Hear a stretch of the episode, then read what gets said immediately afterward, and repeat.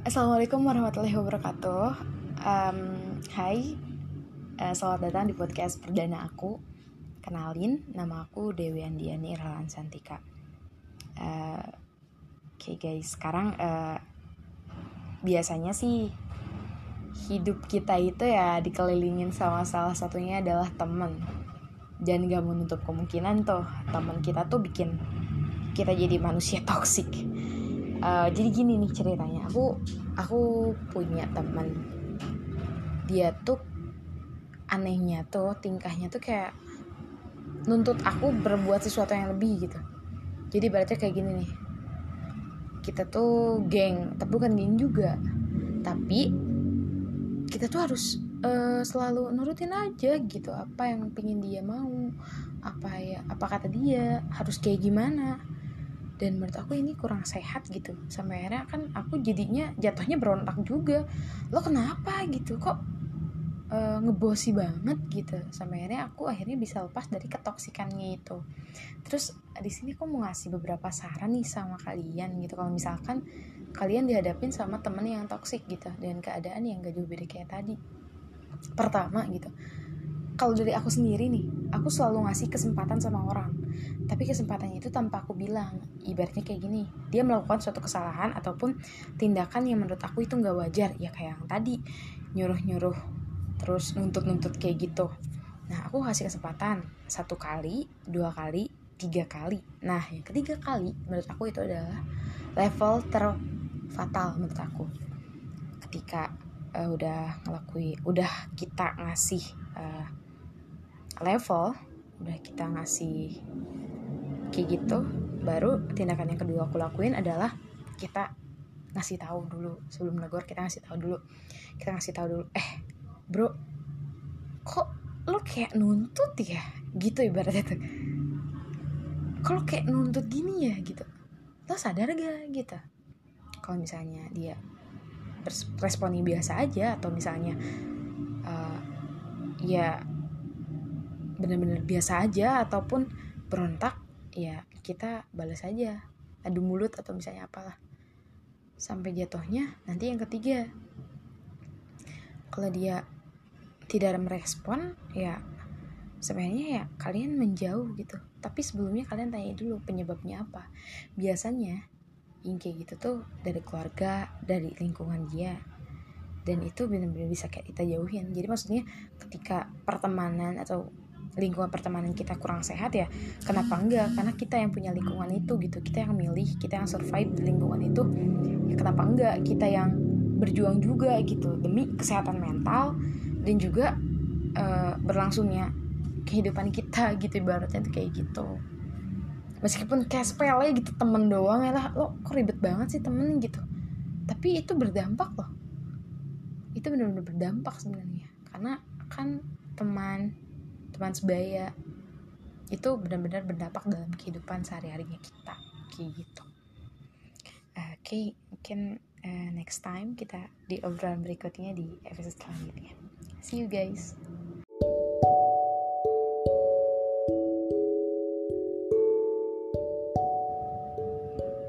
Jadi orang humoris itu gak enak. Lo harus sadar. Humoris itu bisa sakit hati. Bisa sakit bisa rapuh dan bisa jatuh. Jadi pas orang itu kesakitan lo jangan malah ngetawain. Gak enak tau. Jadi ya kenapa sih gak lo coba pertimbangin dan rasain gimana posisi lo jadi dia? Jadi manusia yang selalu dianggap ceria jadi manusia yang selalu dianggap kuat. Manusia juga ada titik rapuhnya. Manusia juga ada titik lelahnya. Jadi, apa susahnya sih saling menghargai?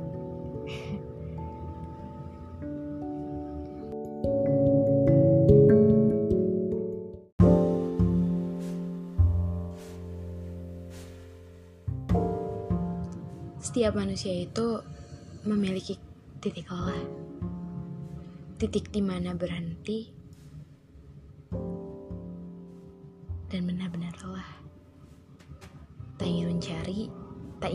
dicari, tak ingin berbalik, dia enggan akan segalanya. Malas, malas sekali rasanya. Jadi, semoga kamu juga sampai ya di titik itu. Berarti kita sama. Hai, selamat malam teman-teman Di mana pun kalian berada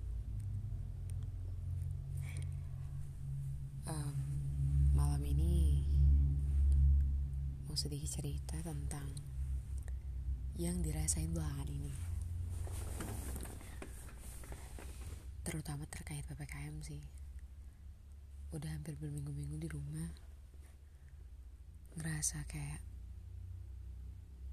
gimana gitu. Soalnya biasanya kan sama temen-temen gitu. Cuman kita ngobrolin yang lebih spesifik aja deh. Kita ngomongin tentang relation kalian pernah gak sih di posisi kayak makin ke sini makin percaya bahwa sebenarnya gak ada pure cewek ataupun cowok yang emang deket tuh cuman satu? Karena pernah ada di posisi dalam satu hari itu yang ngajak video call atau misalkan telepon doang gitu ada berapa tapi pas ketika kayak gini semua ini sebenarnya bikin podcast tuh gara-gara ya gak ada aku pingin itu temen ngobrol gitu loh. Tapi ya gak ada gitu. Kamu pernah gak sih? Gitu maksudnya kangen sama orang yang aduh susah banget sih ngejelasinnya. Sumpah ya virtual itu kalian jangan sekali-kali deh gitu lagi ppkm gini ini gak worth it buat kalian jalin hubungan virtual gitu menurutku. Karena ya belajar dari yang sebelumnya karena ini tuh bener-bener kayak tantangan tersendiri gitu loh. Kamu dibuai sama seseorang yang belum pernah kamu temuin. Hanya dengan kata-kata VN sama pap apalagi sih yang mau diperhatiin? Apa yang mau dipertahanin cuman menurutku ya sekarang bukan sekarang kemarin-kemarin kan emang booming banget tuh yang namanya love language gitu. Love language kan emang beda-beda ya. Dan kebetulan aku adalah um, word affirmation. Di situ makanya mungkin jadi alasan aku ketika dapet chat tuh apalagi chatnya kata-katanya seindah itu sajaknya aku kayak anjir gitu. Dan itu menurutku jadi suatu jalan ninja ketika kamu mencoba untuk pingin mengerti seseorang gitu. Makanya gitu kalau misalnya di zaman gini belum atau bahkan gak ada orang yang mencoba untuk ngerti kamu menurut aku orang itu bego sih. Karena ya maksudnya kayak kamu tuh udah dipermudah loh gitu. Banyak cara banyak alternatif untuk bisa kamu ngerti orang gitu. Karena menurutku komunikasi itu sepenting itu. Di mana pun bentuknya komunikasi itu memang fundamental. Ya coba aja kalian maksudnya kayak kamu tuh suka sama orang tapi kayak kamu tuh nggak bisa nggak komunikasiin itu. Percuma. Feelnya nggak akan sampai ke hati dia. Mau segimanapun kau berusaha kalau komunikasinya gak dapet gak akan sampai rasanya. Jadi kamu jangan nyalahin orang itu. Ketika apa yang kamu sampaikan itu gak sampai. Ya karena memang komunikasinya yang salah makanya ketika kamu coba untuk mengerti seseorang coba di satu frekuensikan dulu cara komunikasinya mau seperti apa jalan komunikasinya mau kayak gimana. Biar ada apa-apa ini itu gampang gitu. Kalau apa apa tuh ngomong ngomong ngomong ngomong. Ngomong tuh nggak beli. Ngomong tuh modal bibir doang. Emang susah itu yang ngomong makanya kayak kan di Twitter ada tuh ya yang namanya space. Yang kayak open podcast gitu dan ada satu kata-kata dari pembicara yang bilang kayak gini. Ketika ada masalah sama orang atau sama pasangan kita sampai pada akhirnya dia minta putus aku persilahkan hal itu. Aku menghargai ketika misalkan dia mau putus. Tapi aku mohon ketika kita udah putus kita cari satu waktu di mana kita ngobrol berdua di tempat ngopi ngomongin masalah. Kenapa kita bisa sampai kayak gini? Apa yang ngebuat kita kayak gini? Kalau memang pada akhirnya nggak bisa dipertahanin oke okay, pergi. Tapi kalau bisa dipertahanin gas lagi. Cuman kebanyakan orang gak mau ambil resiko itu sih. Ketika udah tuh ya udah gitu. padahal kan gak semua orang kayak gitu.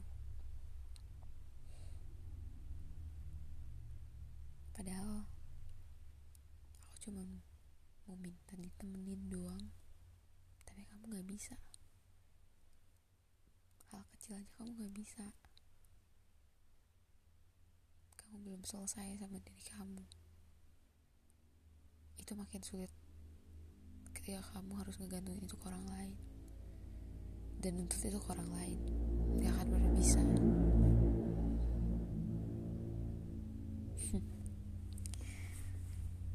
Mimpiin deh siapa pun kamu bahagia selalu otaknya harus kayak mindsetnya tuh bahagia bahagia bahagia. Biar bahagia. Dadah. Hai. Selamat malam teman-teman. Ketemu lagi.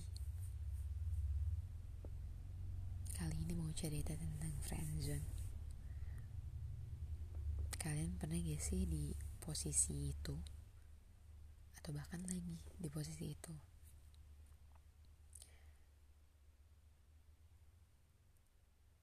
menurutku.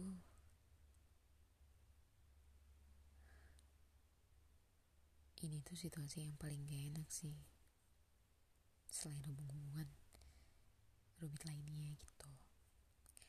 Karena terakhir ini kalau kita nyatain secara buru-buru takutnya nanti dia hilang. Hilangnya nggak satu orang tapi dua peran sekaligus temanku juga orang yang aku suka. Pernah waktu itu kelas 4 SD tepatnya aku harus pindah. Dikarenakan masalah keluarga yang sudah di ujung tanduk waktu itu. Dengan pergi ke sekolah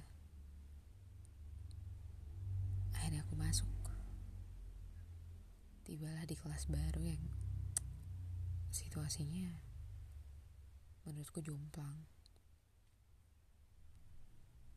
Mata aku tertuju pada sepasang bangku itu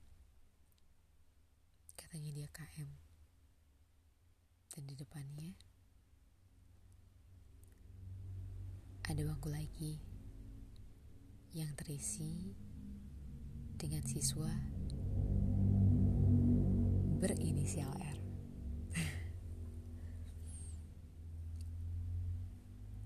Sebenarnya pingin ceritanya dari lama banget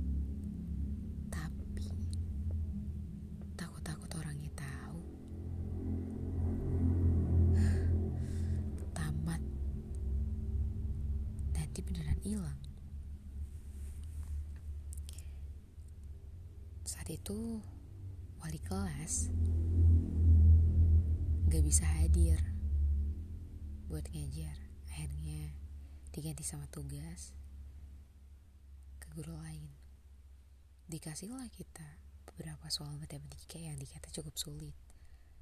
Akhirnya aku mengerjakan itu yang tak aku sangka ternyata betul jawabannya.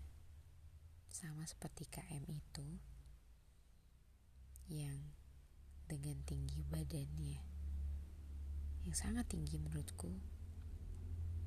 Juga otak cerdasnya dan nama indahnya. Wow aku hampir satu derajat sama dia. Ya karena soal matematika itu. Senang waktu itu karena ya menurutku sama aja sama dia. Bisa mengerjakan soal sulit itu. Beralih dari dia judulnya aku tuh sukanya sama si R ini. Sampai suatu ketika ada acara membahas gala. Dia menyuruhku untuk mengambil tasnya. Katanya, tolong tasku, ambil. Lalu aku turuti dan aku berikan kepadanya lewat jendela. Padahal aku mengkhianati KM waktu itu. Singkat cerita, aku pindah lagi ke Bandung tanpa sepengetahuan mereka. Dan tak aku sangka juga, lepas dari situ, setiap reuni, aku tetap selalu diajak. Padahal aku tidak lulus di sana.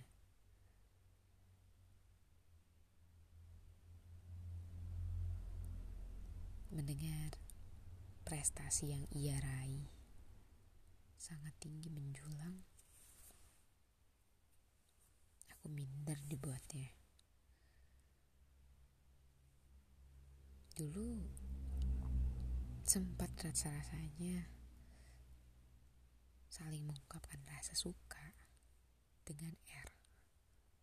Yang ternyata R juga suka sama aku. Hanya saja dari situ nggak ada follow up lebih dan emang setelah itu sudah aja nggak ada tindakan lagi tanpa aku sadari aku terus intens. Berikan kabar ke KM ini. Dan tiba saatnya SMA katanya dia harus PKL di Bandung